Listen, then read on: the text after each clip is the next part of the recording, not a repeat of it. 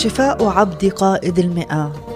مدينة كفر ناحوم هي واحدة من المدن العشر التي كانت تقع حول بحيرة طبرية أو بحر الجليل حيث عاش المسيح وعلم وهي مدينة تجارية تقع على الطريق الرئيسي الذي يربط بين سوريا ومصر في ذلك الوقت الطريق المسمى بطريق البحر.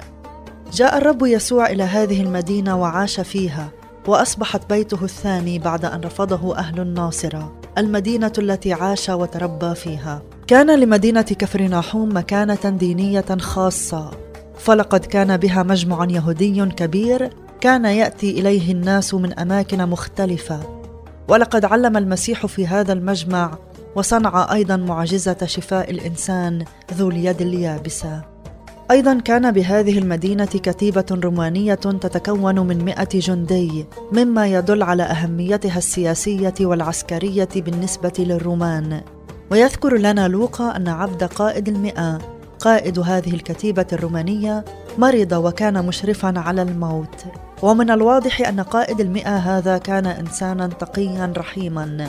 كان يشفق على عبده وكان يخشى عليه من الموت في عصر لم يكن للعبيد في الدولة الرومانية أية أهمية. فالعبد كان يباع ويشترى بالمال.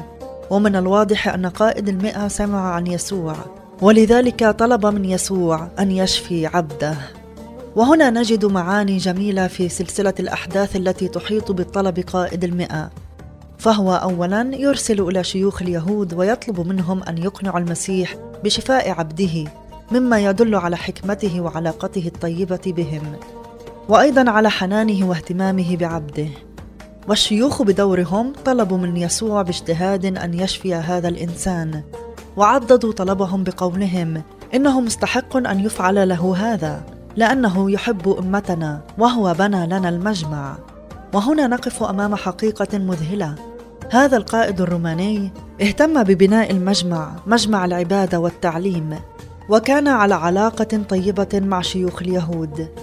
إنه يشبه قائد المئة الذي كان واقفا عند صليب المسيح. فلما رأى ما كان مجد الله قائلا بالحقيقة كان هذا الإنسان بارا. يشبه أيضا قائد المئة التقي كرنيليوس الذي طلب من بطرس أن يعرفه طريق الخلاص.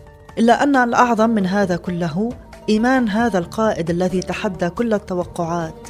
فقبل مجيء المسيح إلى بيته أرسل أصدقاء يقول للمسيح يا سيد لا تتعب لأني لست مستحقا أن تدخل تحت سقفي.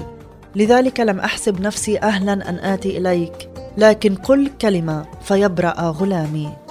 يا لها من كلمات عظيمة تفوه بها قائد له سلطان سياسي وعسكري وتدل على عمق إدراكه لمكانة المسيح بالنسبة له وتؤكد إيمانه الكامل به.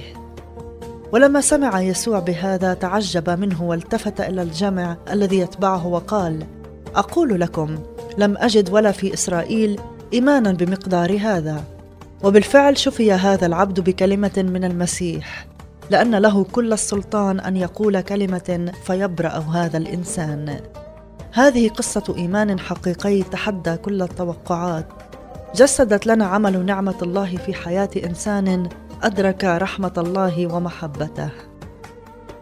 ما الذي نتعلمه من حياة قائد المئة ومن إيمانه في قدرة المسيح وسلطانه للشفاء؟ هل لك هذه الثقة في المسيح أنه يستطيع أن يشفي ويحرر؟ ما معنى الإيمان بالنسبة لك؟ هل لديك ثقة كاملة في الله وقدرته وتسلم كامل لإرادته لكل شيء في حياتك؟ أصلي أن تكون هذه الحلقة بركة لحياتك